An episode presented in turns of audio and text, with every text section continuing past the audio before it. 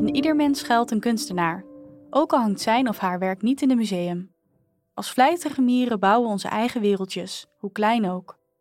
In augustus, als de zon in het teken leeuw staat, staan we bol van creativiteit. Daarom schijnen we deze maand de spotlights op onze talenten. Als maagd ben je altijd op zoek naar een toepassing voor je creativiteit. Je bewondert kunstenaars, maar zelf maak je liever iets waar mensen iets mee kunnen doen.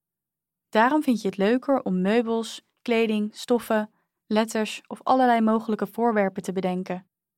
In de subtiliteit die je aanbrengt schuilt jouw grootste creativiteit. Een theepot is altijd een theepot, maar als jij er een zou ontwerpen, zou het een theepot met een knipoog worden, die ook nog eens perfect is. Met de zon in leeuw kan het verlangen sterk opborrelen om met deze zaken bezig te zijn.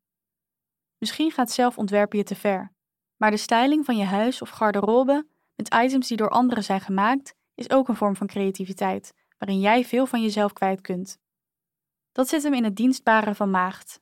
Jij bent ook tevreden als anderen of hun prachtige ontwerpen kunnen schitteren door de manier waarop jij ze neerzet, combineert of aanbrengt.